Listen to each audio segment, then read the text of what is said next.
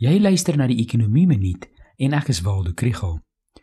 Hierdie week se belangrike ekonomiese nuus gaan oor die Reserwebank se monetêre beleidskomitee wat vir die tweede keer hierdie jaar vergader.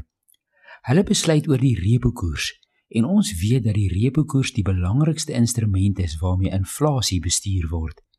As inflasie styg, word die repo koers verhoog. Verbruikers begin dan minder bestee.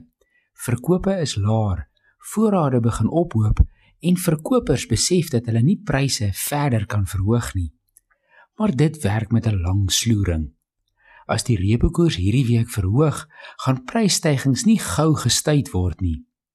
En andersom, as die repo koers verlaag word, gaan verbruikers nie dadelik meer bestee en vervaardigers meer investeer of produseer nie.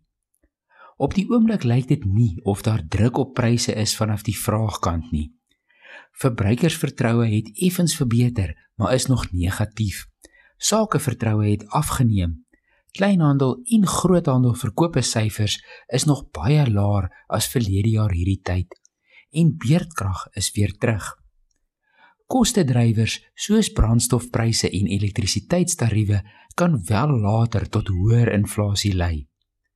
Die groot bekommernis is dat inflasie in die buiteland tot hoër rentekoerse daar gaan lei en dan sal die Reserwebank die repo koers moet verhoog.